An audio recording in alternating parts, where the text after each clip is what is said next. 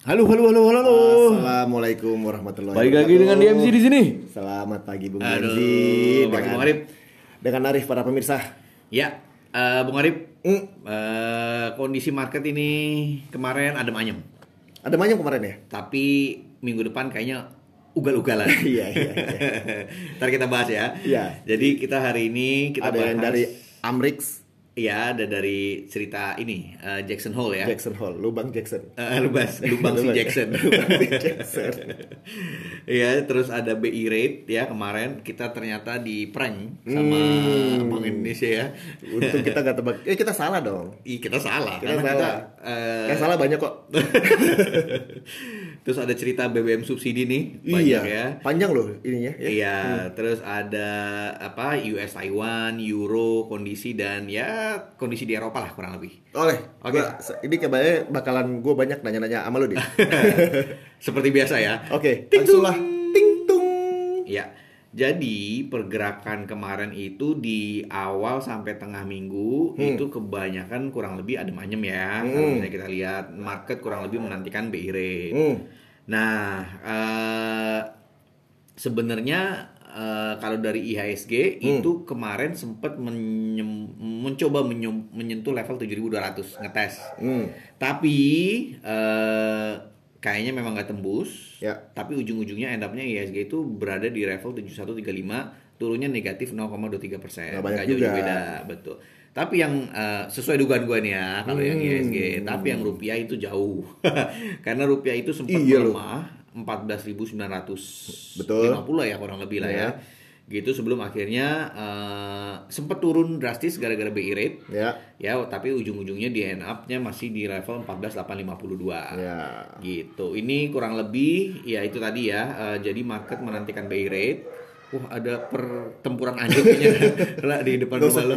gak usah kita ulang lah ya. Terus aja Dim. Terus aja. Terus aja. Biarkan anjing itu Biarkan anjing menggonggong. kafilah berlalu.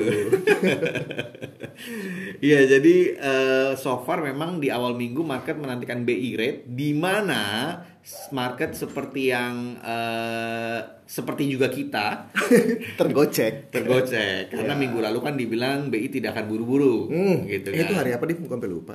Apa BI rate-nya? BI rate hari- hari Rabu, Rabu atau ya? Kamis ya. Oke. gua. Terus terus terus. Terus ya udah dari situ market kayaknya ya udahlah BI rate nggak naik lah Hmm, gitu kan. hmm. Tapi ternyata Naik. eh, surprise eh, Surprisingly. hanya dua ekonom yang menjawab naik ya di banyak ya. Itu nekat juga sih dia. itu kan paling nothing tulus ah gue. Iya, kalau misalnya Kalau biasa kalau cuman kalau gua salah ya semua orang tahu gitu kan. Kalau misalnya gua bener, gua kan keren. Iya. Gitu. Cuman berdua katanya. ya dua ya. Jadi eventually BI menaikkan eh, suku bunganya ke 3,75% dari 3,5 Hmm. gitu dan itu memang eh, banyak orang memperkirakan apa yang gue perkirakan bahwa ini mengantisipasi kenaikan BBM subsidi. Betul. Nah setelah itu isunya terkait dengan BBM subsidi. Betul. Karena banyak menko-menko, menteri-menteri itu udah pada meeting bolak-balik, bolak-balik, Hmm, meeting, meeting, hmm, meeting. Tapi sampai dengan kita mengambil Betul. podcast ini Hmm. belum ada decision yang diambil. Kita loncat-loncat aja lah ya. Ya. Jadi waktu itu soalnya hari Jumat kalau nggak salah. Heeh. Jumat itu eh, pada di kantor pada masang eh, apa ibu SMI eh, punya apa eh, pembahasan Heeh. mengenai betapa besarnya ya kalau gua sempat lihat sekilas ya eh, yang Oh, ngasih tahu subsidi. betapa besarnya sebenarnya subsidi ini Ya. bisa bikin jalan tol sekian banyak Oh ya. ya kan Ya. Bisa bikin rumah sakit dan sekolah berapa Betul, banyak gitu betul. Hmm. jadi nah habis itu kan kita nungguin semua wah ini pengumuman nih Betul. dan betul. pas beliau itu ternyata bidai birthday. Mm-mm. Oh, Bu Sri Mulyani. Bu Sri nah Iya, habis iya, itu iya. terakhir gue tinggal eh nggak ada pengumuman Betul. Iya kan gitu karena bolak-balik bolak-balik Menko terus BU- eh, BUMN Erick Thohir dan lain-lain itu udah bolak-balik eh, meeting meeting meeting gitu kan per sekarang masih belum ada karena memang eh, agak berat ya langkah itu untuk menaikkan walaupun justifikasinya tadi udah diberikan Banyak sekali. harga minyak yang udah naik kalau kita subsidi mendingan buat eh, sekolah Iya. buat jalan buat apa gitu kan itu apa aja itu kayaknya kalau gue bilang benar-benar mempersiapkan masyarakat untuk Ya. eh nih kita mau naik loh. Iya betul. Siap-siap loh. gitu. Betul. Jadi preliminary infonya tuh sudah dibikin banyak Iya, gitu. Tapi kelamaan ya. Terus subsidi makin bocor lagi. Enggak sampai sampai kita akhirnya ya biar Menerima. Ah betul. Karena memang udah ada yang mau demo, siap-siap. Oh gitu, gua nggak dengar malah. Buruh pertama, Hmm. terus ya biasalah kadang-kadang kan pasti mahasiswa juga uh, akan ikut lagi. dulu gitu. Tapi di sisi satu, sisi juga pemerintah kayaknya agak takut akan inflasi.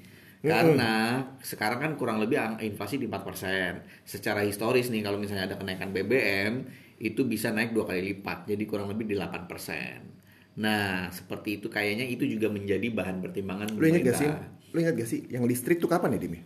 Kayaknya tahun lalu juga ada deh kenaikan. Tahun listrik. ini nggak ada kenaikan listrik ya? Tahun ini yang ini yang eh, di atas 2000 eh di atas standar tuh ya di atas 2200. Itu naik ya? Ya. Lu, bang, lu kan 15 ribu Naik banget tuh naik banget ya Gue 1300 kali 5. Oh berarti ada 5 rumah.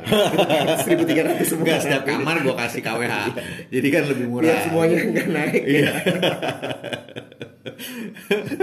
Ide bagus juga tuh. Nah jadi waktu apa namanya eh, eh, Kita balik lagi ke ketergocekan kita dengan Tapi somehow market itu di hari hari sebelumnya Dim ya Sebelum pengumuman pengumuman BI. si BI ini Itu yieldnya naik. Cukup Udah- signifikan Udah mengantisipasi berarti. ide Sebagian. mengantisipasi ya lu bilangnya mengantisipasi ya Heeh. kalau gua buset deh ram- rame di depan ya Iya. lu bilangnya mengantisipasi kalau gua malah bilangnya kok tahu gitu ya anyway waktu itu eh, setelah setelah eh, apa namanya sebelum pengumuman tuh naik terus ke 7,1 hampir ke 7,2 Eh, at the end of the day setelah pengumuman justru nah ini juga banyak yang kegocek dim turun dim yieldnya, yieldnya dim Hmm. harganya naik Iya iya iya. Nah, iya, menarik. seperti biasa dong, karena gua nggak tahu kenapa, ada cari tahu, cari tahu, cari tahu. Ternyata BI melakukan operation twist. Oh iya iya. Iya kan? Itu apa itu tuh Bung Arif? Menarik Jadi itu. doi itu, uh, BI itu punya operation uh, operation twist itu adalah dia jual, sebentar, dia beli yang obligasi jangka panjang jangka panjang, Ah. ya kan? Akhirnya apa yang terjadi? Kalau dia beli semua yang jangka panjang, membuat yield di long end itu kan turun. harganya turun. Betul. Di lain sisi mereka juga menjual. Eh beli berarti harganya naik dong banyak yang beli. Beli harga naik tapi kan yield turun. Iya kan? turun, ya, kan? iya turun. Oke. Yieldnya Harga turun, naik, yield harga naik, yield turun. yang panjang. Betul. Di lain sisi mereka itu Menjual yang menjual yang pendek. Otomatis harganya turun, Ah. yieldnya naik. Har- ya, jadi kurvanya Jadi kurvanya flatten. Flatten. Betul. Kalau Betul. kurva flatten itu dengan ya salah satu usahanya untuk mengendalikan si si inflasi ini kan. Inflasi ya, jadi- dan dan untuk memanage long end eh, apa namanya eh, beban pembayaran untuk di jangka panjangnya lebih murah. oh Gitu. gitu. Ujung-ujungnya sebenarnya intinya dia mau mencoba menekan inflasi gitu Pasti ya kurang lebih. melalui eh, oper- operasinya mereka di Operation Twist ini. Gila keren banget ya. Eh, Siapa yang keren? Mereka apa gua? Enggak, mereka. Oh mereka. gitu karena memang eh, ya ini mungkin juga terkait dengan harga minyak ya harga minyak juga kembali naik ya Eh, kemarin kan eh, di asal kisaran 90-an Hmm. nah sekarang itu udah mulai mendekati 100 bahkan untuk yang brand itu udah men- menembus lagi level 100 kemarin Brand tuh yang mahal kan? brand tuh yang mahal brand itu kalau nggak salah yang London eh, WTI itu yang US kalau nggak salah Hmm. gitu. Nah itu yang udah mahal naik lagi dan eh, dalam negeri juga ada telur ayam Bung Arif. Telur Eh, ayam. nggak tahu gue. Ada apa telur ayam? Itu kalau dulu kan minyak goreng tiba-tiba naik gitu Ah. kan. Nah sekarang katanya eh, telur ayam itu naik dari yang biasanya 25.000 ribu, 26 ribu, 26 ribu itu jadi 35 ribu Hmm. Per kilo. tertingginya per kilo. Itu karena mungkin udah ber-KB. Telur-telurnya ayam-ayamnya malas Iya. bertelur. Karena kan sekarang biaya-biaya mahal. Nah Jadi itu daripada banyak-banyak anak gitu banyak mereka- anak malas mikir Iya, pendidikannya ya. pendidikannya, les-lesnya. Jadi dia Jadi pikir ya udah kita ber-KB aja. 35 ribu. Ya, tapi turun turun lagi lah antara 30 32 lah sekarang kurang lebih Hmm, per kilo gitu. Tapi itu yang menjadi eh, pembahasan lah sampai Menteri Perdagangan sempat komentar tapi ya ya begitulah. Kadang-kadang Menteri Politik kan nggak banyak menyelesaikan masalah gitu. Oh iya dong.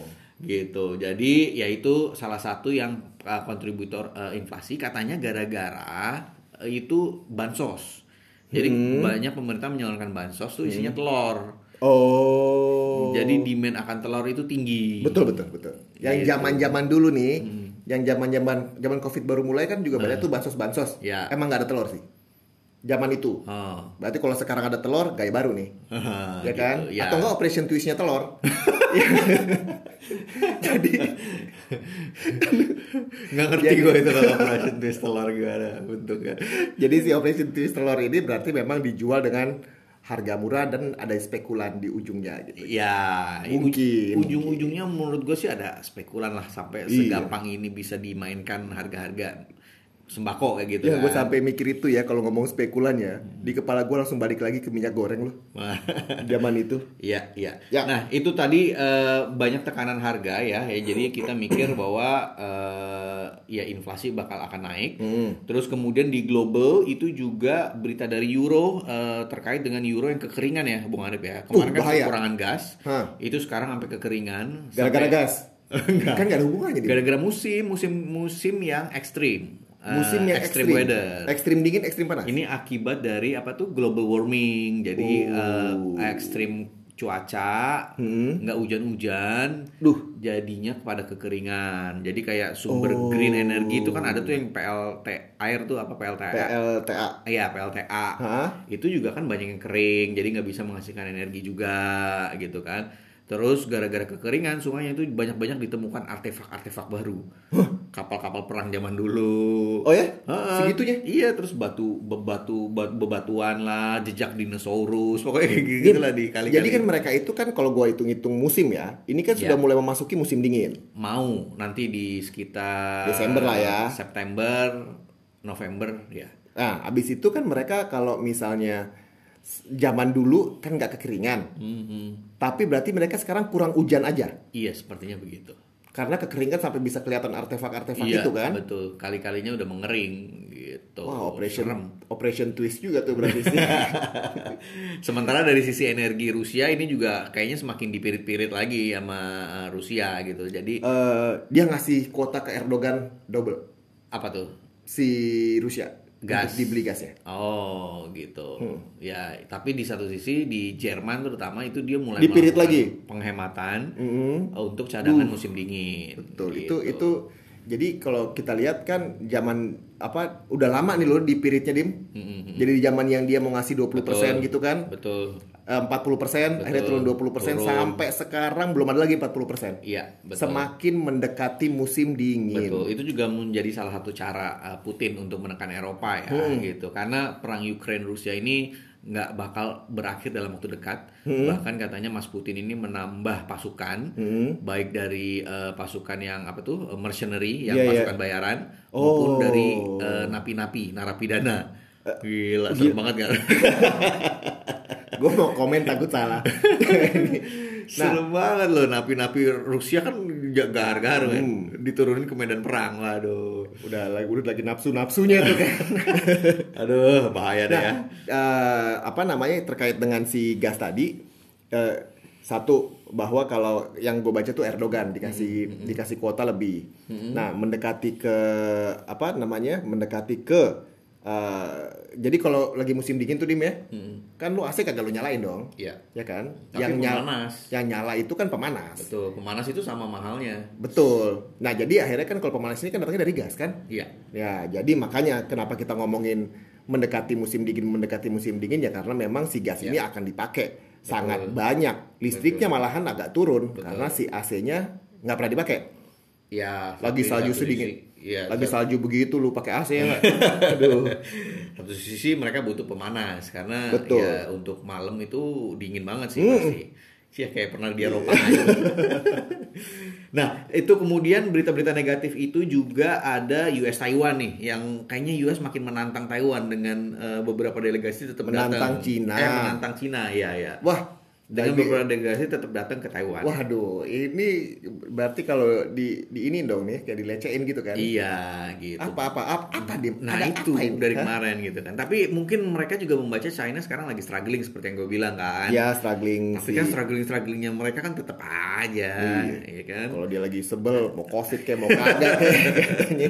Kalau perang udah perang aja udah katanya. Iya gitu. Nah itu kurang lebih Tapi apakah ada? Apakah ada tindakan balik negara China Saat ini belum. Belum yang gue baca ya belum ada ya. secara tahu. politik maupun secara secara eh, eh, eh, militer belum belum. Paling ada ya ya? sama kayak kemarin lah. latihan lagi. Iya, ya kata si Taiwan bilang latihan aja terus lu katanya kan.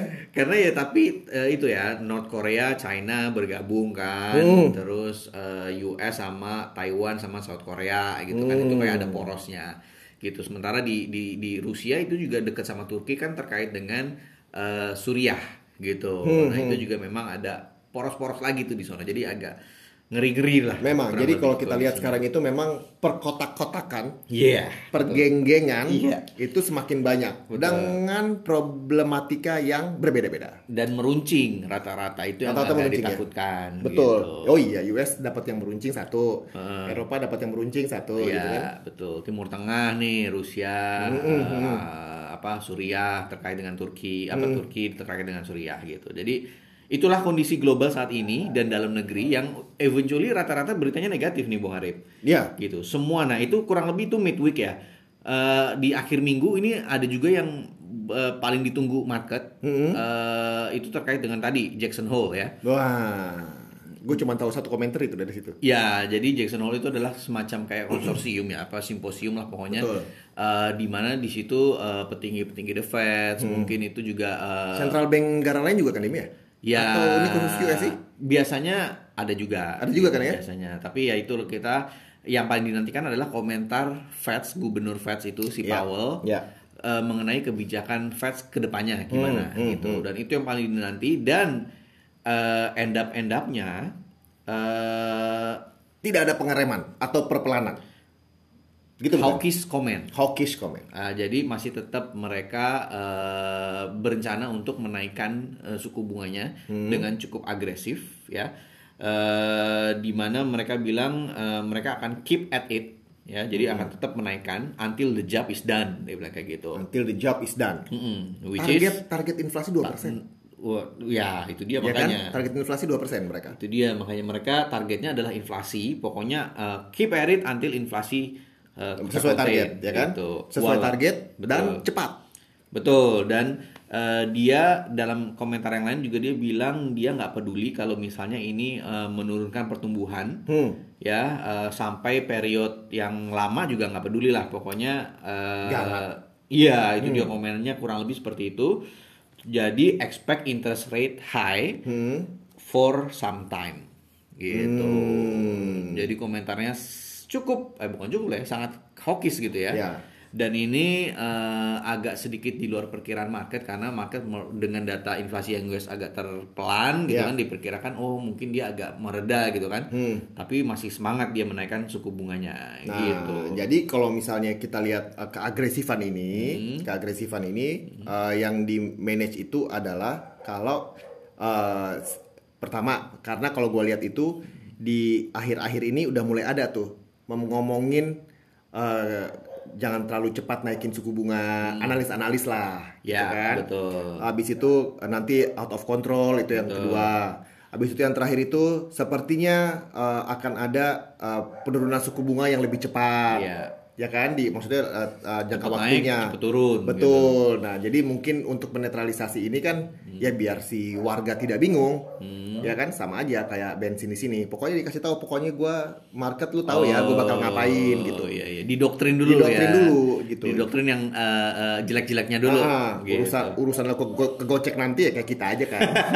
kita kan diem aja juga ya kan mau ngomong apa. Betul, tapi impactnya udah berasa di market US pada Hmm. Jumat eh, malam waktu kita, di mana itu market eh, benchmark benchmarknya mereka itu udah turun lebih dari 3%. Idih. Jadi kayak Dow Jones, S&P rata-rata itu turun kurang lebih 3% dari komentar si eh, Powell doang Iya. gitu. Nah, impactnya apa di minggu depan? Apa deh? Lu kagak lu minta sama gue berkali-kali lu kagak baca-baca lu dim lu. Ya itu nanti kurang lebih lah ntar kita bahas di minggu depan. Jadi tapi ini ya ini jadi minggu depan itu uh, market kita belum price in komentar sih Betul. awal ini karena itu terjadi di Jumat malam kita udah close. Jadi awal minggu ya teman-teman brace for impact aja gitu kan pasti akan mengalami uh, penurunan nih dari ISG, rupiah juga mungkin akan uh, US dollar akan menguat, Iya, gitu iya, kan. iya, iya, iya. apalagi yield bond juga pasti akan sangat terpengaruh dengan rencana kenaikan agresif dari suku bunga di Amerika gitu. Jadi ya tadi uh, IHSG sepertinya trennya akan cenderung turun ya. Teman-teman mungkin bisa menahan dulu sambil kita lihat bawahnya mana. Mungkin bisa di 7000 atau bisa tembus di bawah 7000. Itu kita wait and see dulu. Ya. Uh, sementara rupiah mungkin dia akan ngetes lagi level 14.950 lagi nih gitu syukur-syukur sih mudah-mudahan nggak nyampe 15.000 tapi sepertinya ya dia akan bergerak ke arah 14.950 gitu sementara kalau yield ya kurang lebih sekarang di 7,1 ya Bung Arif ya 7,16 hampir ke 7,2. Iya. Gue sih ingat gue bulan lalu gue bilang atasnya 7,3 bener gak gue?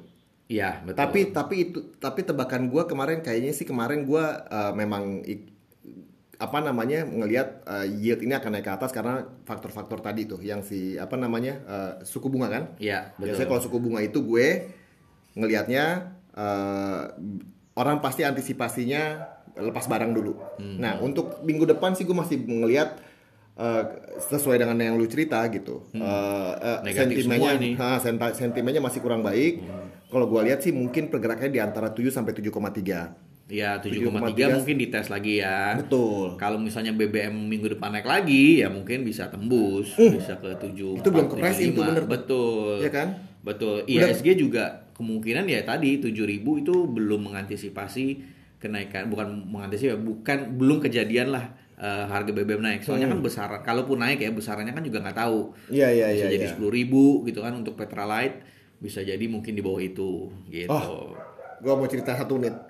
Kita, Apa? kita itu kemarin ini something yang mesti nanti kita ngobrol. Hmm. Perbandingan kan BBM naik terus nih. Heeh. Kita teriak mahal-mahal, Ah. mahal-mahal. Akhirnya kita, gua dan my colleague gitu berinis-. Berinisiatif untuk melakukan Bensin. analisa apa tuh mobil listrik atau mobil konven, hmm, mobil eh, bensin Hmm, mobil bensin Terus? atau mobil listrik. hasilnya Hasilnya minggu depan akan gue kasih tahu. Ya, keren juga lo teasernya. Iya dong. Pilih Oke, yang mana ya. oke, oke. Baik. Ya. Shout out to my partner Iya. eh, analis untuk mobil eh, mobil bensin dan mobil konven. Keren keren. Mobil bensin sama mobil Eh, bensin. sama mobil listrik. bensin dan mobil listrik. Ya, ya.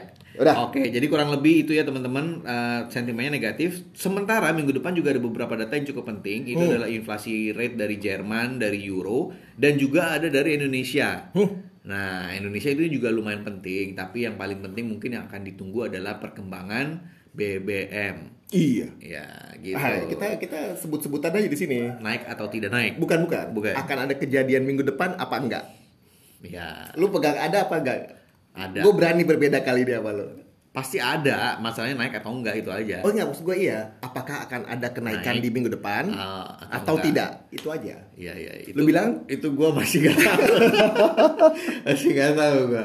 Ya. Karena emang berat berat ini keputusan Berat berat. ya? Nah, lu naikin pasti inflasi ke 8%. Hmm. Nggak dinaikin APBN jebol gitu. Tapi kan udah ada obrolannya kemarin Jadi bahwa gimana Bung Arif gimana? Menurut Bung kalau gue menurut gue ya, Iya, menurut iya, gue iya. kan baru cuma minggu depan Iya, dong, udah ya nggak kan? usah pakai uh, disclaimer dulu, langsung aja gimana? Just for the fun of it, kalau untuk minggu depan belum ada. Oh, oke oke oke oke. Masih meeting lagi dong berarti. Kan mereka. minggu depan doang gue Iya. bilang. Ya, oke oke ya. Sip. Oke kalau Itu begitu aja. jadi eh, ya itu teman-teman ya hati-hati minggu depan Hmm. kalau mau keep dulu kita lihat marketnya seperti apa Eh, kemungkinan hari Senin akan turun sampai sejauh mana ya itu kita lihat dulu Hmm. Yes. bottomnya seperti apa Yes. kemudian yang terutama tadi Bung Arif eh, BBM ini naik atau tidak Hmm. gitu kita tunggu perkembangannya kalau misalnya naik mungkin akan mem- lebih mempengaruhi pergerakan market juga Sip. gitu jadi wait and see dulu teman-teman brace for impact Yes. hati-hati tapi tetap semangat Semangat dan selalu sehat. oke Oke, thank you. Bye-bye. Bye-bye.